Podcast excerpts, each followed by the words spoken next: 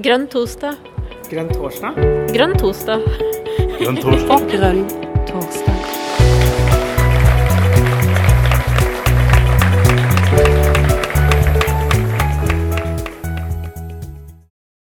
Velkommen til Grønn torsdag. Det er eh, spennende tider vi er i. Og da har vi dratt med enda en inn i redaksjonen, så nå kommer det til å bli enda mer eh, sendinger, satser vi på. Eh, Anders Marstrander heter han, og han eh, bor Han har bodd på en båt en stund, men nå bor han mest i Ringsaker. Jeg vet- ikke du, hvor lenge du bodde i båt, båt men det var en stund, stund i hvert fall, Anders. Mm. Det var vel tre års tid. Ja. og så har vi to gjester i dag. Vi pleier jo bare å ha én, men jeg tenkte at eh, koronapass, det går eh, Det passer veldig. Der er man enten veldig for eller veldig imot. Men så får vi se hvordan dette utvikler seg, da.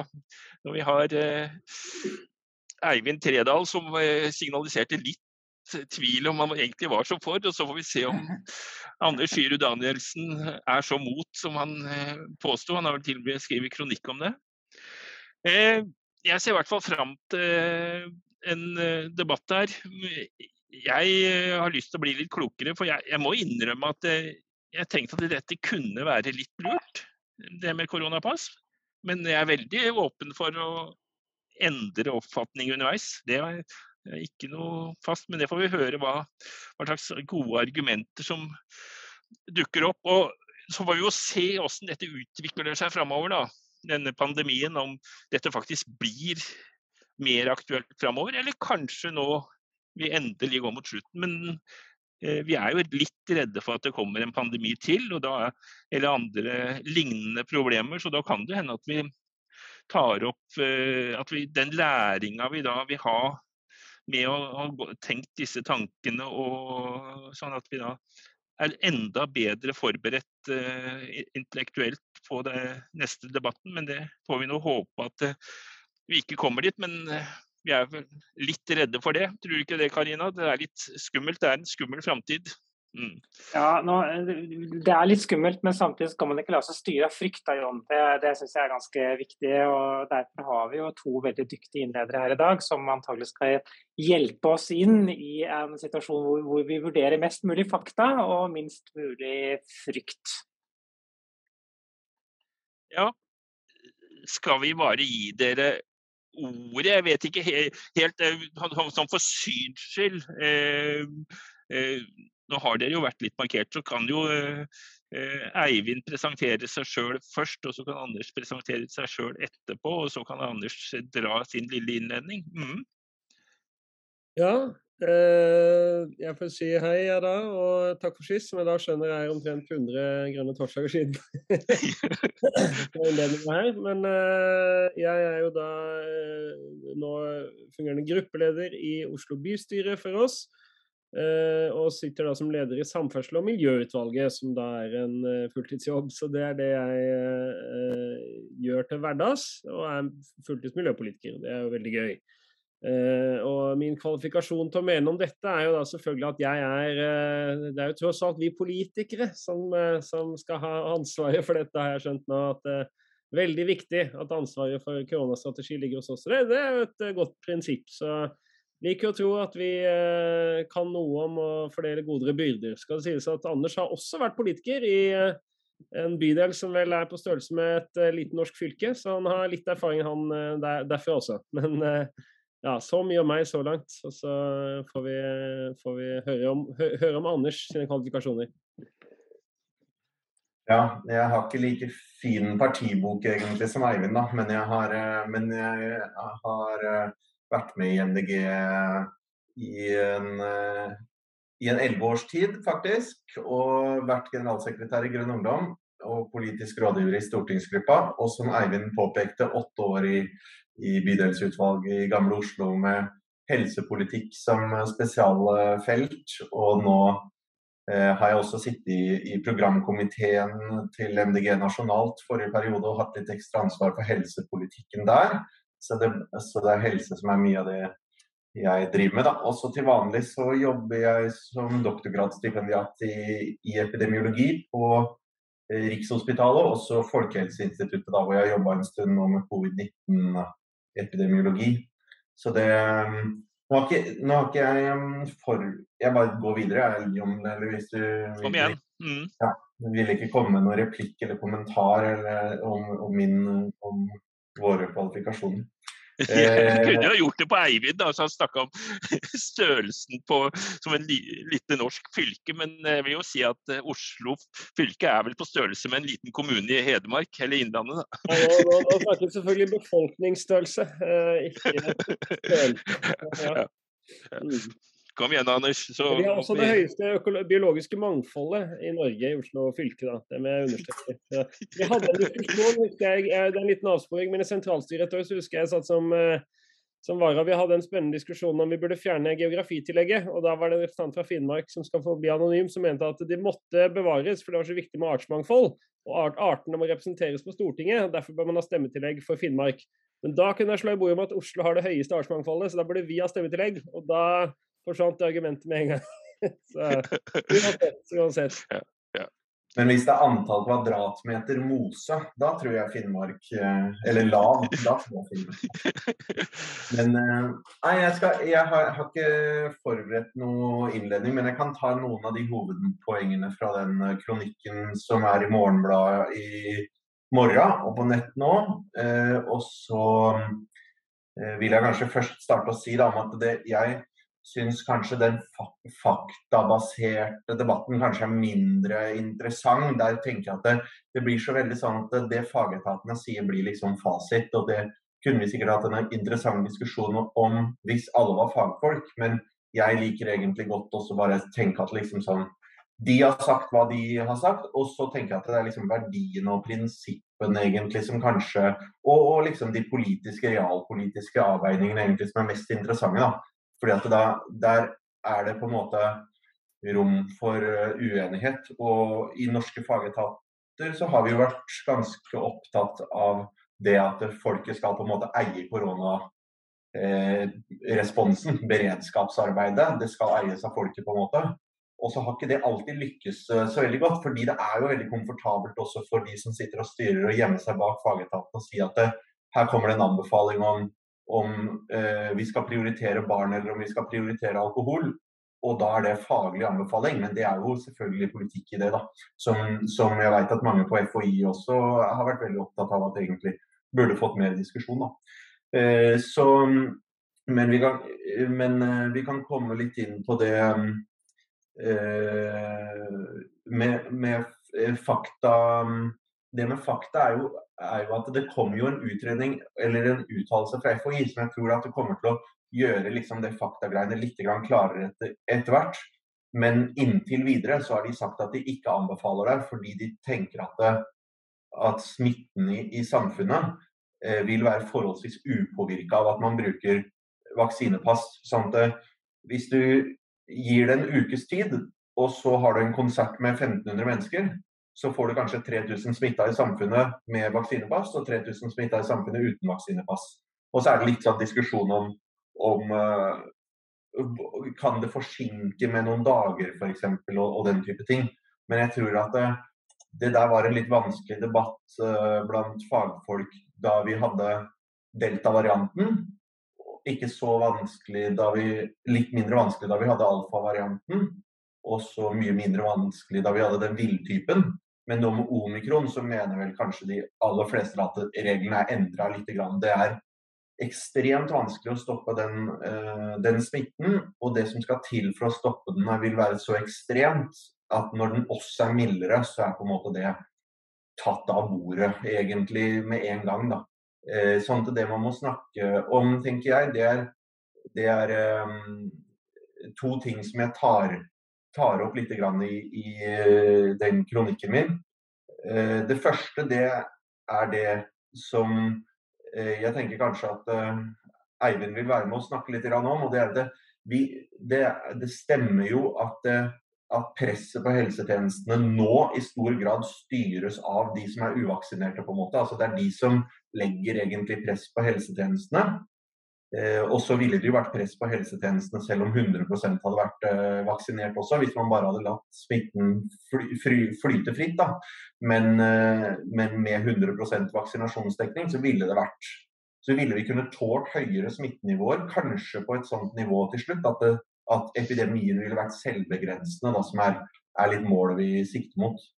Og så Det andre poenget som jeg tror eh, det kan være verdt å, å, diskutere, det er det etiske i det som man i medisinen og folkehelsefaget kaller pasientens autonomi. på en måte. I hvilken grad skal vi alle sammen få lov til å ta valg for vår egen helse? Også når de valgene er feil valg. Jeg mener veldig klart at, eh, de menneskene som har anbefalt vaksinering med covid-19-vaksiner, tar et feil valg når de, når, de vaksin, når de, velger å takke nei til vaksinen. Men, men jeg har gans, men jeg syns på en måte at vi i et eh, liberalt samfunn på en måte må uh, tolerere det at folk tar, feil valg. Så, jeg, så, har jeg tatt med props til debatt. Det har jeg lært av Hans Bauge, at, var, at da vinner du debatten hvis du har tatt med props. Men har, det her er et sånt Nå skal jeg skru av det filteret, fordi da kan dere se.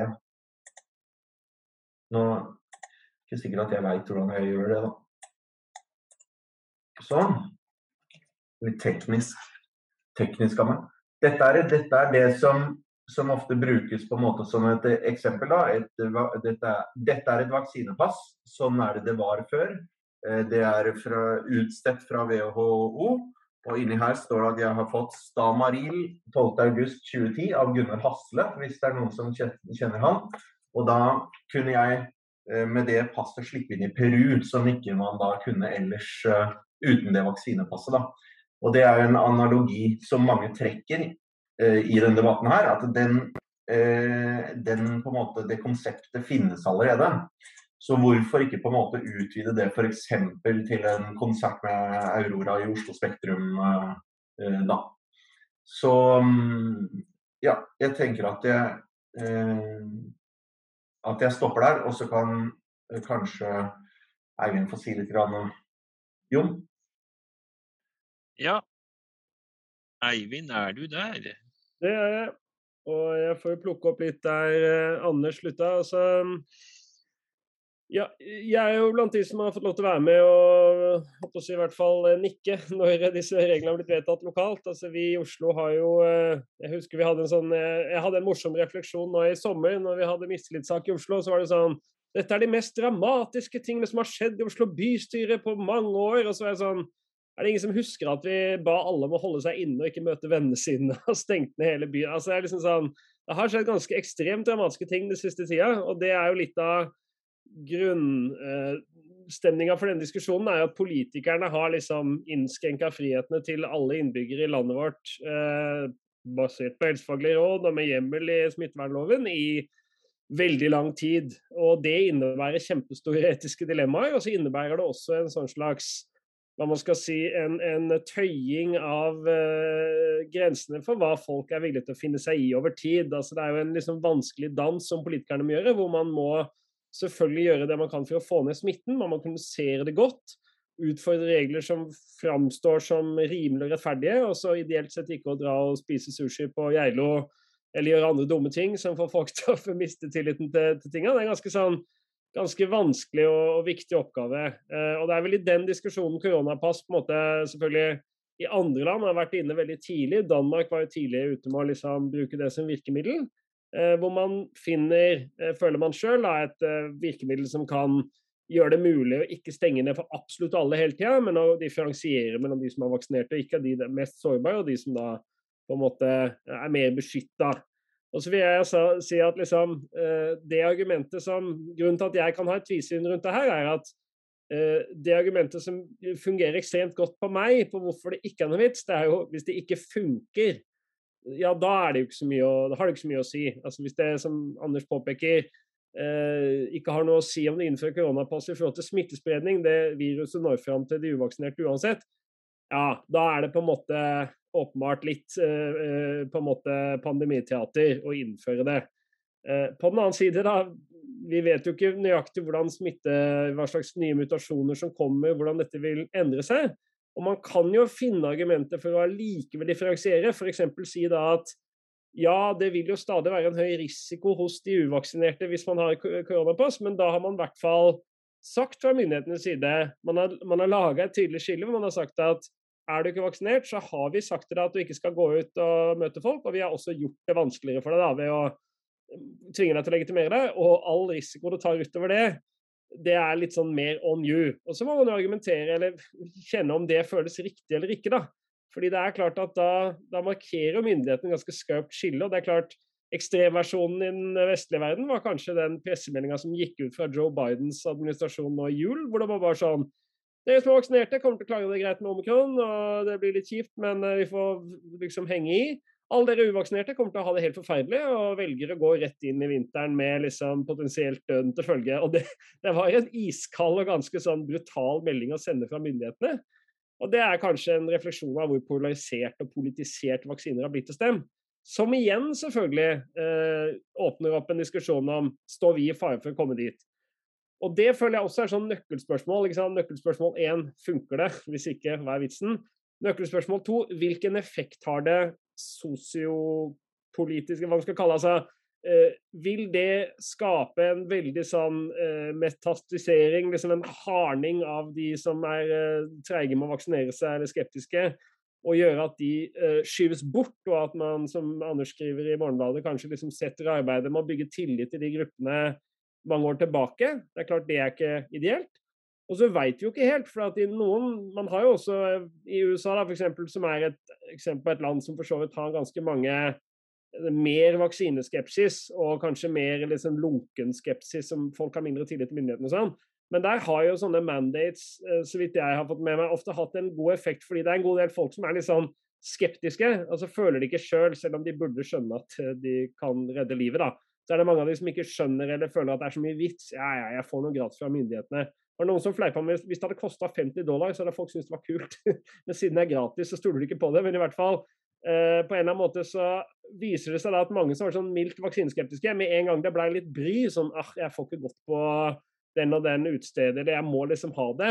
Da fikk de vaksine fordi var liksom, de var litt mot, men det var så lenge det bare dreide seg om å dele memes på Facebook og være litt sånn kontrær. Men så snart det ble en liten ulempe, så var ikke motstanden så De gadd ikke å bli med i en sånn undergrunnsbevegelse som ikke kunne gå ut blant folk, liksom.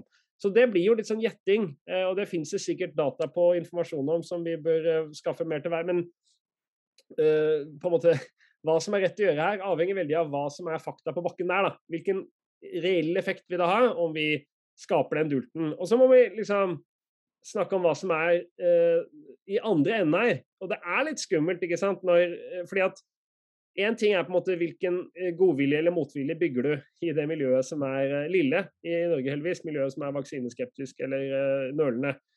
Det andre er jo det store folket, eh, som man skal ha tillit hos, og som man trenger den tilliten til for å kunne gjennomføre nye tiltak. Og Der har det skjedd en ganske skremmende utvikling, fra 80 støtte til, vaksin, nei, unnskyld, til koronastrategien i mars 2020 til liksom ned på rundt 65-60, og så ned mot 45 støtte nå før jul, var det vel. Eh, da var det mye uenighet og gruff. Og en av tingene som skaper konflikt, og som også gjør at mange har fått At du har hatt en liksom sånn uvent, eller eh, hittil, eh, en, en, en, type bølge av motstand og protest som man ikke har sett så langt i, i, i pandemien nå de siste ukene. Det har jo bl.a. dreid seg om dette, at mange har følt at tiltakene har vært for harde, og at de har ramma alle uten at det liksom er helt åpenbart at det var riktig. Og at man, du har politikere som f.eks. da var jo tidligere statsminister Erna Solberg, som går ut og sier I praksis så sier vel hun i VG i dag at uh, uh, det er forståelig at mange nå mener at de som velger å ikke vaksinere seg, legger begrensninger på friheten til det store flertallet. ikke sant? Så det er mange, da, til og med vår nylig avgåtte statsminister, som, som formulerer da altså Det som skjer nå, er at en liten gruppe uvaksinerte tvinger alle oss andre til å holde oss inne og ikke gjøre noe, ikke ha det kult og ikke gå på byen. Det er ikke helt sant, men det er den måten hun formulerer det på. Og det er jo en livsfarlig og veldig skummel Hvis det inntrykket setter seg, eh, så eh, vil jo det gå knallhardt utover tilliten til de tiltakene man innfører. Og da er jo spørsmålet også da sånn Da er vi over i sånn eh, på en måte et, et, land som er ganske langt forbi liksom, de mer sånn vitenskapelige, medisinske fakta, og over i sånn ja, samfunnsvitenskap og politikk. da. Altså, Klarer vi å forsvare eventuelt da, tiltak som er gjort på vegne av en veldig liten altså Først og fremst på vegne av de uvaksinerte som er mest sårbare, samtidig som det da legger store begrensninger på flertallet. Det, det er jo både prinsipielt problematisk og selvfølgelig også politisk farlig. Fordi det vil svekke den veldig viktige tilliten som vi alle er så glad i. Og dette må liksom, La det være opp til hver enkelt å ta valg på seg og sin helse. ikke sant? Det er et godt prinsipp, men problemet er jo da at du ved å innføre så breie allmenne restriksjoner på folks uh, Dette vet jo uh, si, du bedre enn alle, Anders. Og selvfølgelig at Når man legger kjempesvære begrensninger på hele befolkninga, så er det veldig sterk inngripen i folks helse. Og da lar man jo ikke folk ta så mye valg i forhold til masse ting som påvirker deres helse direkte. da. Uh, som å bare være med andre og drive med hyggelige ting sammen og være på idrettsaktiviteter. alle mulige sånne ting. Da. Vi skal snakke helse i et bredere perspektiv. sånn at, uh, okay, Nå må vi slippe Anders litt til, Eivind. jeg, jeg, kan, jeg, kan, runde her. Det var noen av mine innledende tanker. Mm. Ja, Anders, her var det mye. Ja, vi, vi kan jo gjøre, gjøre, som du sa, så åpne for at andre deltar etter hvert. Ja jeg har jo noen um, ting så, eh, på en måte noe som jeg vil si som jeg kom på da Eivind uh, snakker. Så kanskje Eivind vil svare på det igjen, så kan vi åpne etter hvert. Uh, nei, jeg, det som uh, Vi snakker jo om effekt på en måte på smittespredning og på en måte sykdomsbildet. Og det er jo også viktig. Men en effekt som jeg tror koronapass ehm, eh, kan, kan, ha, eh, det er at det kan øke vaksinasjonsgraden. Fordi du, Det som man ofte snakker om i, i det her eh, fagfeltet, vil jeg si det er vaksinekommunikasjon, som jobber med å ha den, den høye vaksinedekninga som vi har i, i Norge og Norden. De, de, de snakker om at det er Eh, det er flest vaksinenølere, ikke flest antivaksinefolk, liksom. Jeg har jo jeg har uh, fått gleden av å være med, på, være med, på, en del av den vaksineforskninga som er gjort nå i Norge. Det har vært veldig spennende, men det har jo også gjort at jeg har liksom fått sett litt de mørke sidene av det vaksinekommunikasjonsfaget. For jeg blir for tiden litt sånn bombardert i sosiale medier av folk som mener det er noe som ikke stemmer med vaksinene. Det, vaksinene endrer DNA-et ditt, og det er, eh, det er, eh, nanoteknologi. Og er det tilfeldig at det kommer samtidig med 5G-utbyggingen? ikke sant? Og så, eh, men de aller fleste er ikke sånn. Ikke sant? Jeg, jeg er også Jeg veit f.eks. at jeg er to år på overtid for å, å fornye DTP-vaksinen min, som er stivkrampevaksinen. Den skal fornyes hvert tiende år. De aller færreste nordmenn gjør det, men den skal egentlig det. Og siden jeg jobber litt med det, så vet jeg at jeg på overtid. Men jeg hater nåler. Sånn at det er en enorm terskel for meg å bestille den fastlegetimen og få den eh, stivkrampesprøyta. Sånn at jeg tilhører jo også litt sånn kategorien vaksinenøler. Men hvis noen hadde sagt at eh, for å dra på byen og drikke øl, så må du ha den DTP-vaksinen, da hadde jeg jo gjort det i morgen. Sånn det er jo selvfølgelig en Du vil jo treffe de vaksinenølerne. Og så er jo det de snakker om da, vil, men når du treffer de vaksinenølerne, øker vaksin, vaksinasjonsdekningen fra 90 til kanskje eh, 94-95% Støter du da fra deg de siste prosentene på en måte som er ekstra antivaksine, ikke sant? risikerer du at de lager enorme, kanskje nesten voldelige demonstrasjoner utenfor Stortinget fordi de føler at det er et stort overgrep mot dem. Så, så, men jeg er helt enig med Eivind at man kunne jo liksom sagt at det, nå åpner vi samfunnet. For å delta i det, så må du ha koronapass. Velger du å ikke vaksinere deg likevel, så får du ikke delta. Smitten kommer til å finne deg, og du kommer til å bli mer syk enn de som har vaksinert, uh, vaksinert, seg. Men nå er det opp til deg, på en måte, fordi nå har vi andre er på en måte Vi er ferdig, vi er lei, og da Nå blir det bare vært uh, sånn. Jeg, jeg um, uh, er vi, vi, i folkehelsefaget er jo veldig ofte sånn at vi, vi er mest opptatt av den der med hvordan er det vi når de utsatte gruppene. Og en ting som jeg er glad for at det snakkes lite om, f.eks. når Erna Solberg går ut i VG så hardt som hun gjør i dag, er at uh, veldig veldig mange av de uvaksinerte er førstegenerasjons innvandrere fra eh, lave- og mellominntektsland, som, eh, som f.eks. Eh, Sør-Asia eller, eller Øst-Afrika. Og eh, jeg er, jeg er litt glad for at vi kanskje ikke har, har retta sinne mot dem, men jeg er på en måte bekymra for hvordan eh, forholdet mellom norsk helsetjeneste og norsk-somaliere kommer til å bli hvis de nå opplever at de blir utestengt fra samfunnet, eller pressa til å ta et valg for sin egen helse som de ikke er for. da. Eh, og ja, jeg, jeg, tenker at kostnadene eh, ikke er verdt det. Dette er grunnen til at de fleste i folkehelsefaget i Norge ikke er for obligatorisk vaksinering, som det er noen kommentatorer og sånne i avisene som har tatt til, til orde for. Vi har veldig høy vaksinedekning, og så setter man på en måte tilliten på spill ved å skjerpe konflikten, når det vi trenger er å dempe konflikten for å lykkes på en måte med ikke bare dette målet med å vaksinere folk for covid-19, men å få folk til å møte på brystkreftscreening, få folk til å møte på helsestasjonen og gi barna sine meslingevaksinen. Vi har mange mål vi skal nå da, med den gruppa her som kanskje har litt lav tillit. Så mm, jeg syns at det er kanskje et litt vanskelig prinsipp. Det ble ikke så vanskelig for meg nå da omikron kom og gjorde koronapassene i praksis eh, eh, i praksis eh, null and void, liksom. Fordi Danmark, som Eivind nevnte, var jo veldig tidlig ute og skrøt veldig internasjonalt av sin fantastiske corona pass-løsning. Og så bare fulgte de resten av verden inn i nedstenging etter nedstenging etterpå. ikke sant? Så det, det, det, var ikke så veldig vellykka uh, allikevel, nå når, når delta og omikron Eh, kom. Men det er jo mulig å se for seg situasjoner. da, F.eks. hadde man hatt um, ebola, f.eks. Veldig høy uh, sykdom, sykelighet. 80, 80% dødelighet i starten av utbrudd ofte med ebola. Ikke veldig smittsomt. Du må være veldig veldig tett på, ha ganske mye kroppsvæske fra en indekspasient i deg for å bli smitta. Eh, og vi har vaksine mot det.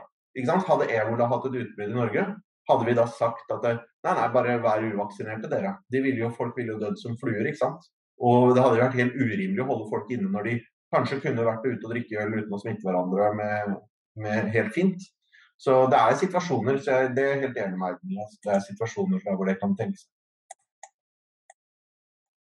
En annen spennende sånn negativ effekt skal bare skyte inn på, sånn på tampen. En annen spennende sånn negativ effekt som man har sett litt fra USA også, siden Eivind eh, trakk opp eh, USA, det er at hvis du da hvis du skaper en sånn polarisering mellom hvor du har de uvaksinerte, ikke sant? og så har du de uh, som, som, de er som mennesker i samfunnet, og så er det de vaksinerte, de er som mennesker i samfunnet, og så skiller du dem mer og mer. Det har du veldig i USA, med at du har to kyster med 80-90% vaksinedekning, og så har du et innland eh, der hvor Trump står veldig sterkt, som har eh, 30-40% vaksinedekning så, så, blir dødeligheten av covid-19 veldig høy. Fordi at de uvaksinerte flokker seg til hverandre og gjør hverandre veldig syke. Istedenfor at du blander inn vaksinerte som kan beskytte de uvaksinerte mot høy dødelighet.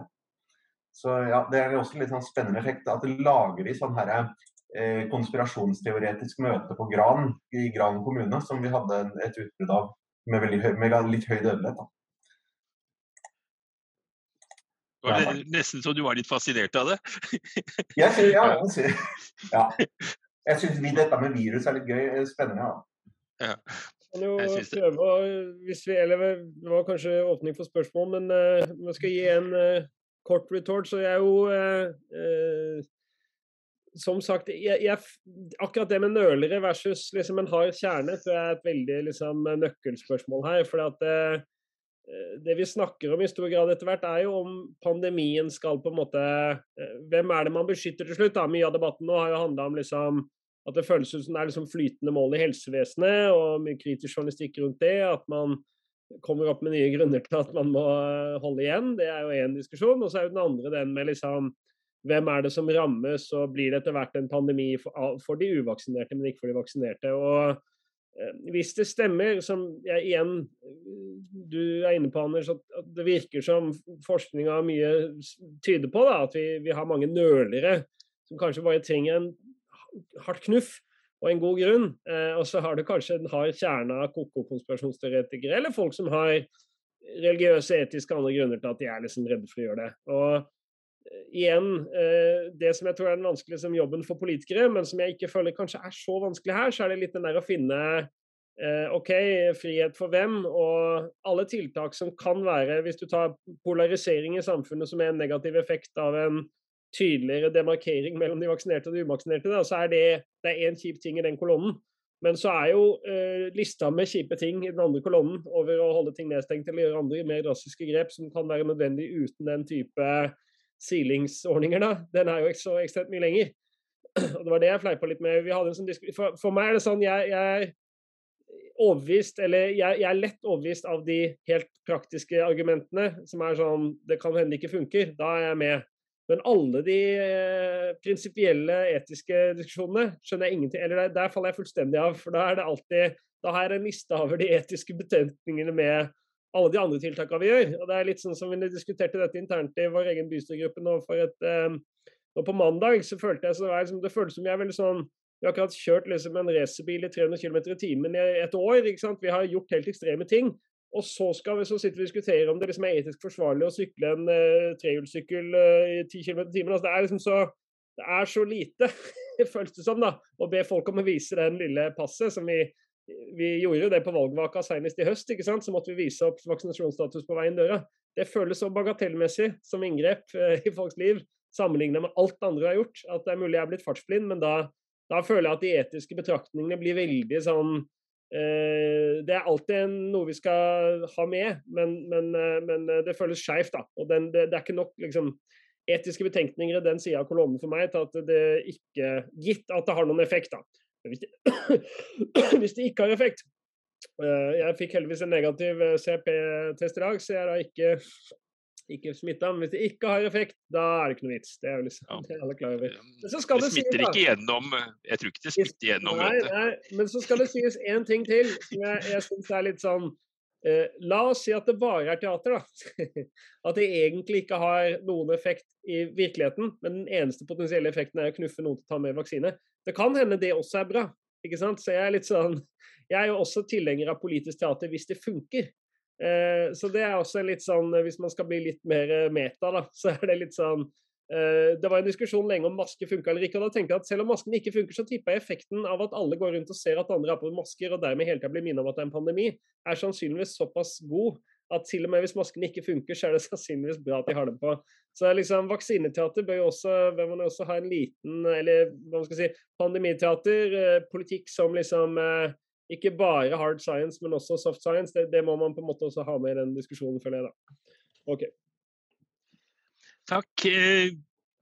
Eh, da er det fritt fram til å tegne seg her. Eh, og dere må ikke være beskjedne. Her, her ønsker vi en god debatt. Og jeg, jeg, jeg har eh, fått utvida min oppfatning, heller ikke utvida oppfatningen, fått litt nye tanker knytta til hvordan jeg sjøl skal konkludere her så langt så kan det at det blir enda bedre. Anders, du har eh, en ting du har lyst til å kaste fram her.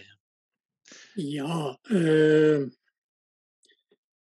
det er mulig at jeg nå Jeg skal prøve å skjerpe meg, da, så det ikke blir et veldig sånn politikerinnlegg hvor jeg holder et langt innlegg og så til slutt spør om noe helt annet. Men, øh, men jeg har det siste Eivind sa, eh, det om den psykologiske aspektet med å gjøre en del ting, det er eh, veldig viktig. Og det leder meg litt opp til det jeg hadde tenkt å si. Eh, for jeg har fått et barnebarn i Sør-Frankrike og har vært der litt nå under pandemien. Og det er greit, for du tester og alt mulig rart sånn. Macron gjorde i sommer en greie hvor han sier at Eh, etter hvert så vil det være slutt på at det er gratis å teste seg, men sprøyta, altså vaksinen er gratis, men det skal koste å teste seg. Og han gjorde også en annen greie med at du fikk ikke lov til å møte opp på jobben i offentlige stillinger hvis du ikke var vaksinert. Den er litt mer tvilsom, men den første var jo helt kurant. Og han har fått økt vaksineprosenten fra i underkant av 50 til opp mot 80% jeg sier ikke at det er det eneste grepet som virka, men, men det virka helt klart. Og Frankrike har den samme tradisjonen som USA, med stor eh, skepsis til myndighetene. Hvis du forteller en franskmann at han skal gjøre noe, så skal han i hvert fall ikke gjøre det. Uh, og ja, det var, det var, da den politikerinnledningen. Så kommer da min uh, ting. Jeg jobber en del i jeg jobber i IT-bransjen og jobber veldig mye med personvern og sånne ting nå. Og det er jo snakk om at dette skal gjøres i En mulighet er å ha sånn koronapass i ulike kommuner, enkeltkommuner. Og jeg stoler rett og slett ikke på at alle kommunepolitikere rundt omkring i de store og små kommunene her i Norge har god kontroll på hvordan personvern håndteres. Eh, så, og jeg vet ikke nok, eh, men er dette godt nok instruert i så fall fra, fra statlige overordna myndigheter? Det er egentlig spørsmålet.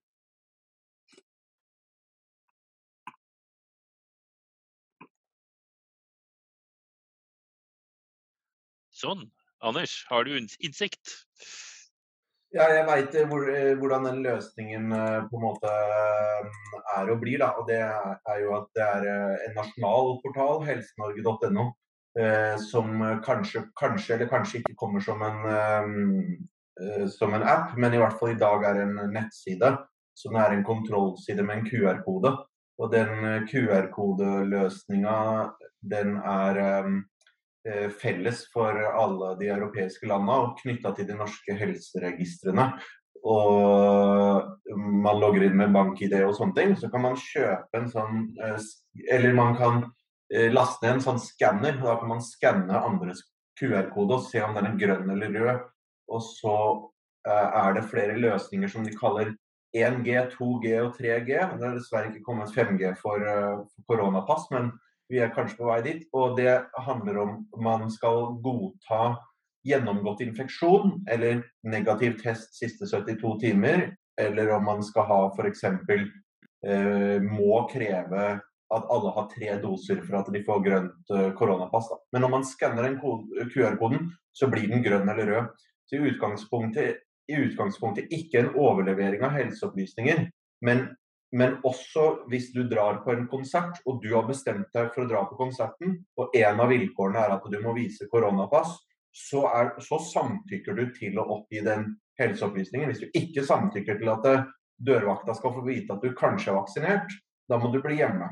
Da samtykker du ikke. Og det er lov å ikke samtykke til å overgi den helseopplysningen. Så jeg tenker at personvernet er, er veldig godt ivaretatt i den løsninga på den måten at at uh, du oppgir jo på en måte en helseopplysning, da, men det er jo men, uh, men forholdsvis uh, mildt, vil jeg likevel si.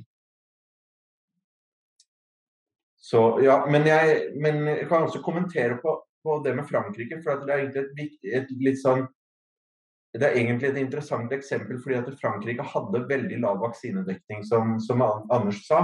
Og da, da tenker jeg liksom at konflikten er allerede veldig veldig skarp i det franske samfunnet. Det franske samfunnet er ikke Island eller Danmark eller Finland. ikke sant? Det, det franske samfunnet er litt annerledes. og, og en, Hvis Norge hadde vært i den settingen? At, det, at vi har et samfunn som er sterkt prega av jevnlige demonstrasjoner, øh, streiker og, og myndighetsmistillit, egentlig, og bare 50% velger å ta vaksinen fordi de ikke tror på myndighetene, men allikevel er landet nødt til å stenge ned hele tida for å hindre massiv dødelighet av den typen man så i Nord-Italia tidlig i pandemien.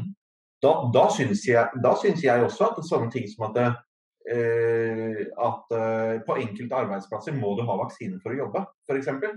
Fordi arbeidsgiver vil ikke stå inne for den risikoen du utsetter deg for ved å bare si nei til noen ting som er gratis og har veldig lav risiko.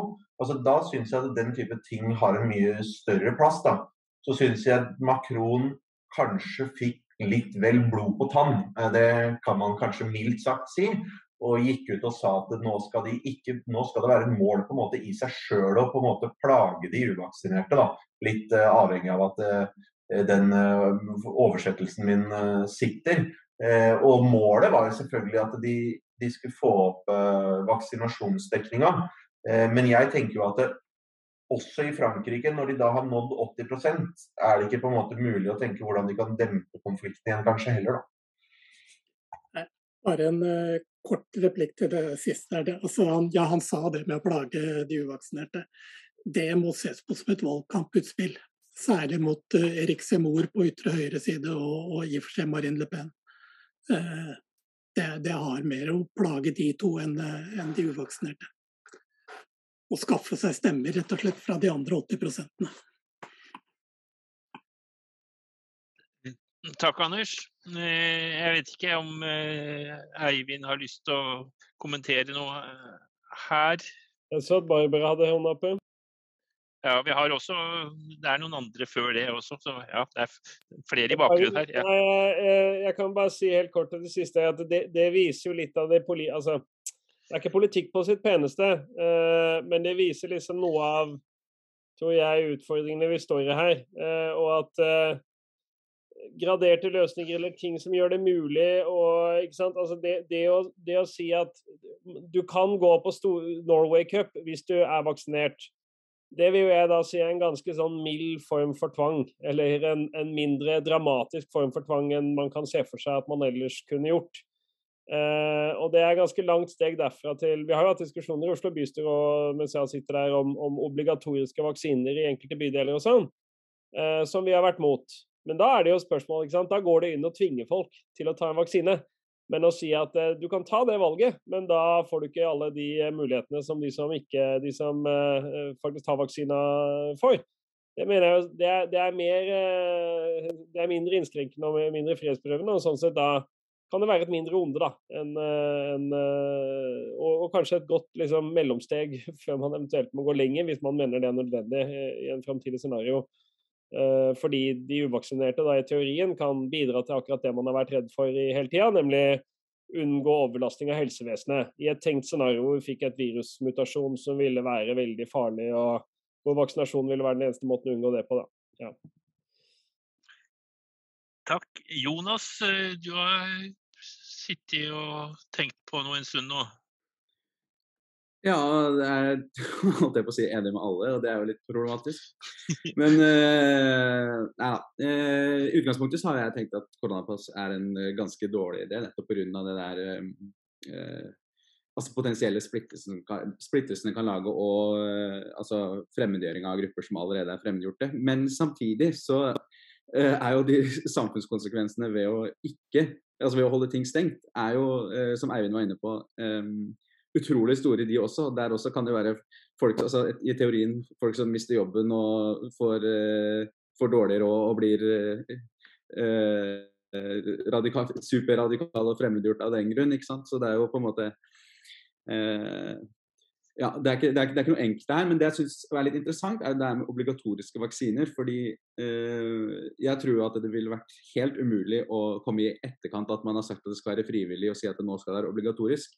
Men jeg syns det er litt interessant tankeeksperiment å se for seg at hvis, eh, hvis slash når neste pandemi kommer, om man fra starten hadde sagt at det, når den vaksina kommer, så er den obligatorisk å ta. Eh, om det da hadde på en måte eh, eh Om det hadde vært noe som var politisk mulig, da. For det er jo fort eh, det som er eh, begrensninga her, hva som er politisk mulig, mulig og ikke også. så det kunne vært litt interessant å høre hva Eivind Anders tenker om. da, eh, Hvis man skulle hatt obligatoriske vaksiner, hvordan eh, Ser at det er vanskelig å bestemme om man skal gjøre det før man vet hvor ille sykdommen er. Men eh, det var en tanke jeg hadde, i hvert fall. Takk. Ja. Hva tenker du på, Anders, om dette? Du som har brukt litt mer tid enn hos andre på sånn problemstilling? Ja, jeg skal være kort, jeg, sånn at det andre også får uh, slippe til. Men for meg så handler det litt om at du, du, man må på en måte gjøre en risikovurdering av, av tallene. på en måte.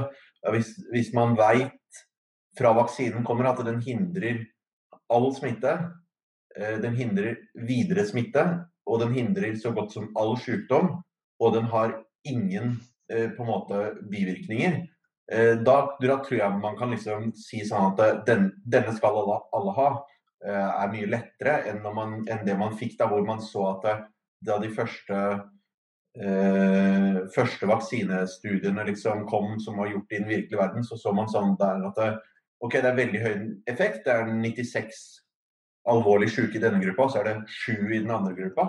Men det er jo fortsatt 7, ikke sant. Og, og jeg tenker at det, hvis man f.eks. hadde Det var en av vaksinene som også er en mRNA-vaksine, som ikke har kommet på, på markedet fordi at den, de som utvikler Novavax, tenkte at den ikke kom til å lykkes i markedet. Men den beskytta sånn 50% mot alvorlig sykdom. Det er også mulig at det, at det, var det beste vi hadde klart. Og hadde den kommet da med 50% så syns jeg sånn OK, da er det noe myndighetene kan tilby.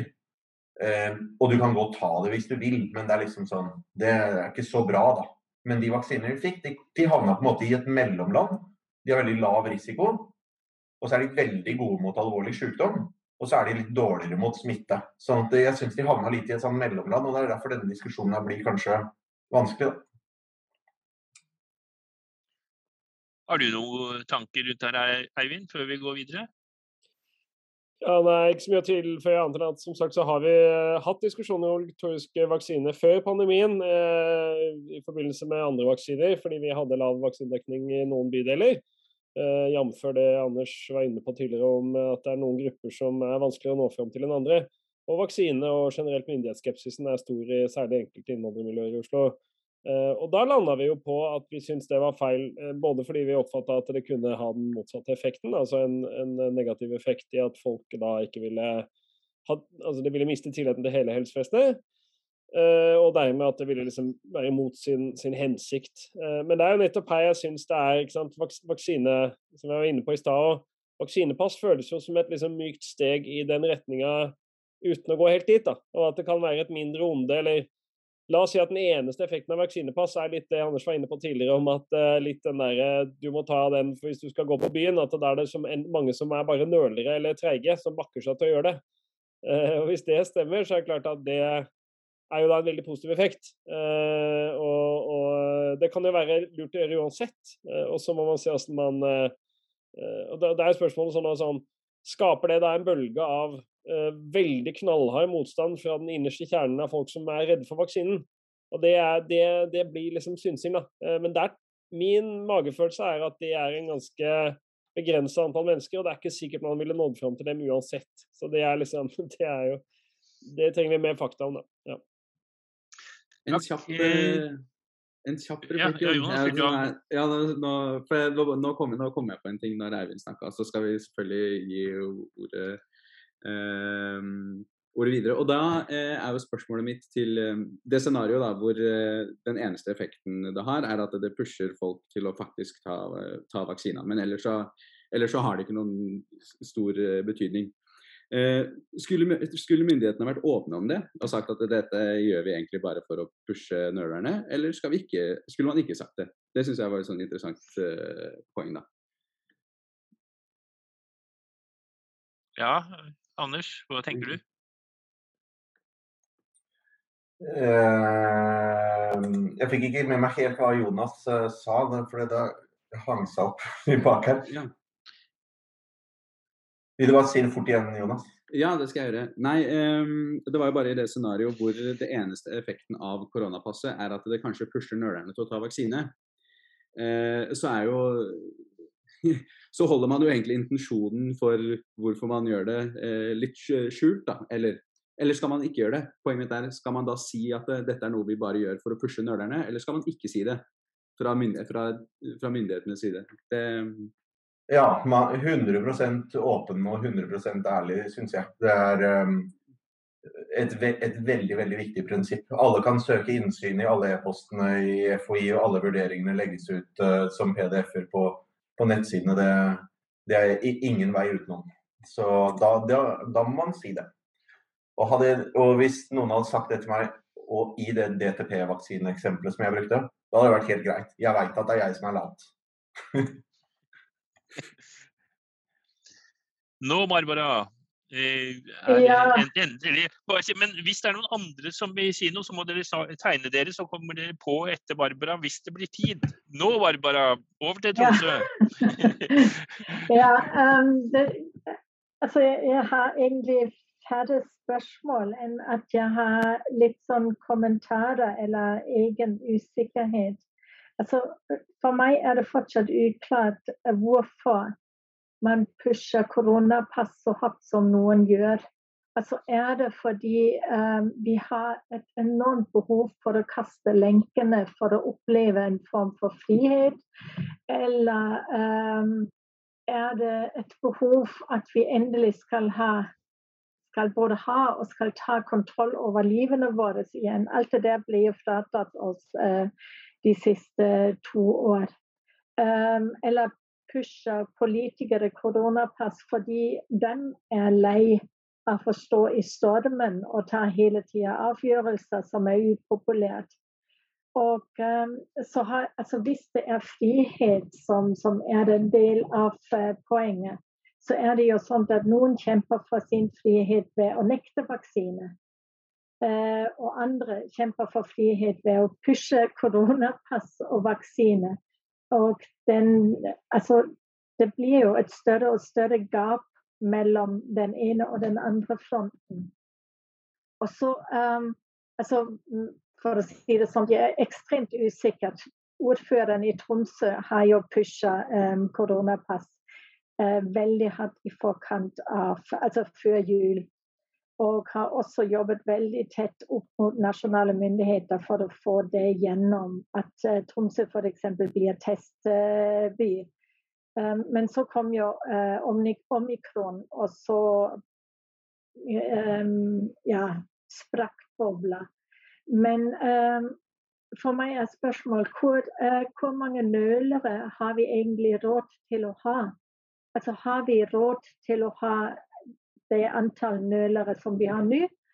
Eller er det, altså, har vi råd til å kaste bort den tilliten vi noenlunde har til hverandre, eller fortsatt har, har vi råd til å kaste det? Fordi det er det jeg frykter akkurat nå. Altså det er folk som er tilsynelatende veldig oppegående og uh, alt det der. Uh, lever i så ekstremt forskjellige verdener. Har vi råd til å bare la dem være der de er, og gå på en måte videre? Slippe um, all vaksine, tvang, slippe koronapass og den diskusjonen rundt. Og håpe at vi klarer oss å komme oss gjennom det uten at vi innfører for mye tvang. Og så et spørsmål til deg, Anders, kanskje. Hva er egentlig forskjellen mellom koronapass og det hva som ble gjort i fjor? Altså I fjor f.eks. da var jeg på, på Bakgårdsfestivalen i, eh, i Harstad. Det var ingen som kom inn på området uten enten, enten ha en negativ test med um, da, um, bevis i appen um, eller dobbeltvaksine. Det, det, var ingen som kom inn uten.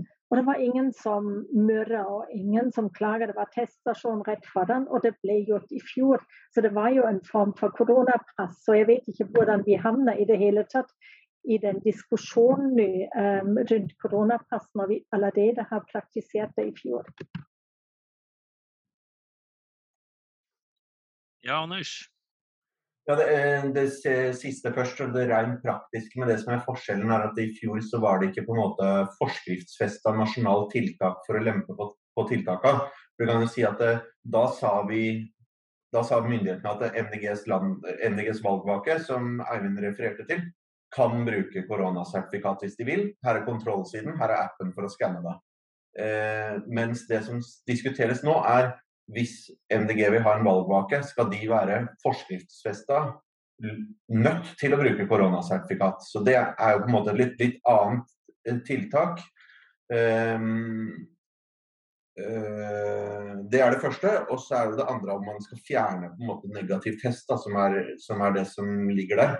Og så har også det som, det som er utredninga som kommer til å komme fra FHI nå, det er at eh, myndighetene, eller regjeringa, ville nok innføre koronasertifikat. Men så sa ikke fagetatene at det ville gjøre det mulig å lempe på tiltakene. Og da er det ikke lenger lovhjemmel for det. fordi at Hjemmelen for bruk av koronasertifikat måtte hjemles i smittevernloven. Sånn at Det man vil gjøre nå da, det er å lage en helt ny lovparagraf som sier at man kan bruke koronasertifikat for å øke vaksinasjonsdekninga. Så det, fordi at eh, Man kan ikke lempe på tiltak, men man vil bruke det til et annet formål. da egentlig. Og da må, det, da må Stortinget vedta det. Eh, så, så det, Det er det som er forskjellen på det som vi hadde i høst. da. Um, og så Det andre er på en måte det andre det føler jeg også er et litt faglig spørsmål, men jeg kan i hvert fall referere til FHIs risikovurdering. og det, jeg, Der sier jo FHI at, er, at de tror at det er mest sannsynlig at vi vil kunne komme oss gjennom denne bølgen epidemien vi er på vei inn i. Tallene skal fortsatt en god del opp, selv om de fort, er rekordhøye for tida. Så vil vi komme oss liksom over med en topp ca. midten av februar, og så, og så, at den forsvinner av, av seg sjøl, egentlig. Første selvbegrensende epidemi vi kommer til å ha med koronaviruset, og forsvinne i løpet av mars uh, igjen. da. Og så tror jeg det er veldig stor spenning også i fagmiljøet på om stemmer det. Eller vil man rundt toppen da begynne å merke at det nå knaker det i sammenføyningene på helsetjenesten, og vi kan ikke bære den byrden her lenger. Og mm, det tror jeg vi får svar på eh, innen de neste par ukene. Fordi denne uka her er den første uka der hvor innleggelsestallene øker igjen. Nå har de gått ned i, i eh, fire-fem uker. Men denne uka her nå, i, i, dag er vi på 30% økning i forhold til samme dag forrige uke på nye innleggelser i løpet av uka. Da. Så mm, hvor mye vil omikron belaste helsetjenesten? Det tror jeg ingen egentlig veit. Og på hvilket tidspunkt vil eh, så å si alle ha blitt smitta. Sånn viruset kan ikke finne noen flere igjen, og vil begynne å finne færre og færre hver dag av seg sjøl. Det som vi før fikk lov til å kalle flokkimmunitet, før folk ble sinte av det begrepet. Vil det skje før helsetjenesten kneler. Det er det spennende momentet nå, som ingen egentlig har noe godt svar på. Jeg vil i hvert fall ikke gjette eller spå om det. Men, eh, men eh, det, er, det, er, det, er, vel kanskje det som fagfolk mener at det er mest sannsynlig eh, nå. Og da tenker jeg at koronapasset egentlig ikke er så relevant i, i det bildet. Men eh, om flere hadde vaksinert seg, så ville de sluppet og ha langvarige innleggelser og alvorlige forløp med seinskader og potensielt død. Og det er en positiv ting. Så det er en positiv ting om flere tar vaksinen, selv om helsetjenesten klarer seg. Så, så det er jo fortsatt en relevant diskusjon, ikke sant. har du noen kommentar, eh, Barbara? Nei, jeg har noe å tenke på nå. ja, det er det flere som var her. Eh, da, Eivind og Anders, jeg vet ikke om dere har noen sluttkommentarer? Eivind? Nå driver og runder av her. Har du skifta standpunkt? Er det det vi andre lurer på, da? Nei, altså som sagt, jeg, jeg mener nok stadig at uh, uten at man trenger å bruke samme retorikk som Erna Solberg, så, så, mener jeg nok stadig at det er rimelig å ha dette i verktøykassa. Og at det, man må være helt åpen om intensjonen, men til og med om man er det, da, man sier nå innfører vi koronapass, det er bare fordi at dere som ikke har smitta, eh, som ikke tar vaksina, dere er sårbare, dere utsetter dere for fare. Og vi har ikke lyst til å være delaktig i det, så vi sier da at uh, dere slipper i hvert fall ikke inn på de største arrangementene med masse folk, men dere kommer nok til å bli smitta uansett. Så det er en mulig kommunikasjonsform. Um, og hva oppnår man med det? Altså Man kan oppnå polarisering, man kan oppnå å skyve folk fra seg. Det er jo ikke bra. Uh, det positive man kan oppnå, er jo selvfølgelig at man både uh, dytter en del nølere og treginger uh, over til å ta vaksine, og at man forebygger nettopp den mistroen eller den uroen som bl.a. Erna Solberg da, faktisk nører litt oppunder. Når man liksom sier at ja, nå eh, får ikke ungen din eh, gå på skole i elleve dager fordi jeg er blitt karantene eller et eller annet greier, og samtidig så får ikke folk lov til å drikke øl etter klokka elleve, alt er nedstengt og alt er kjipt.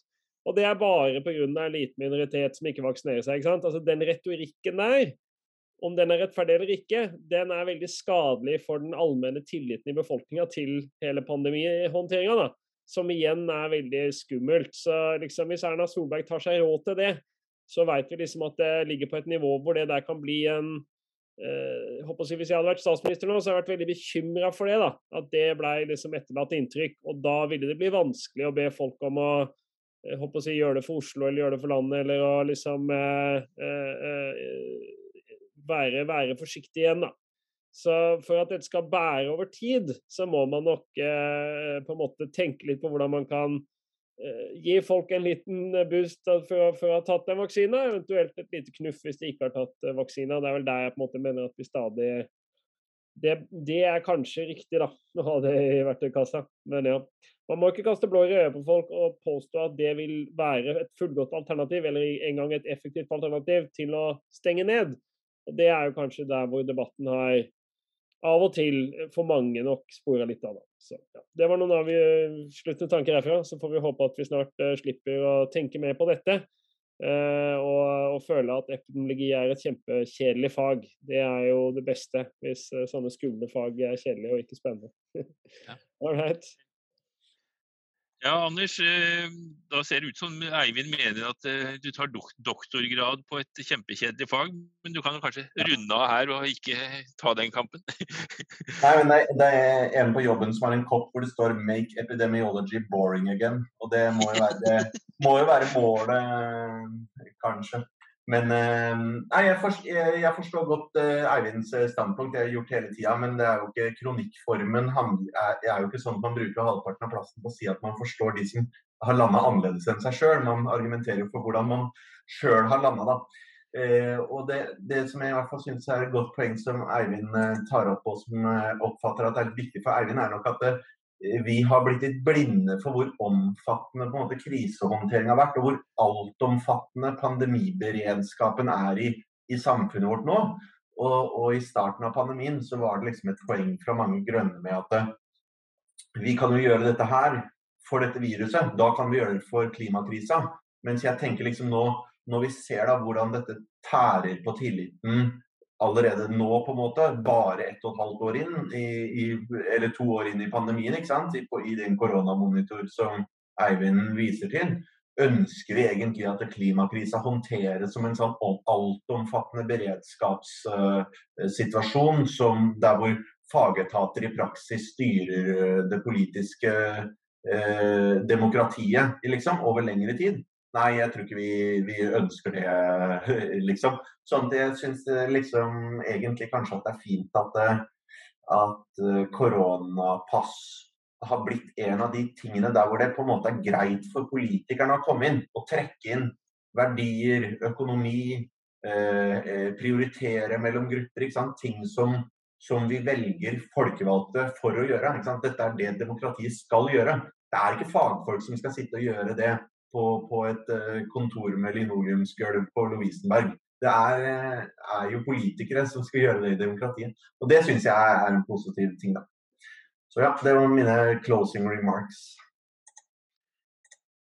Takk, Anders. Eh, da hadde Karina lyst til å si noe. Hun har vært så stille i dag, så hun hadde behov for å si noe mot slutten her. Jeg er litt spent på hva det er. Det er ikke så, er ikke så veldig veldig spennende, Jon. Eh, jeg, jeg har fulgt ordskiftet med, med, største nysgjerrighet og interesse.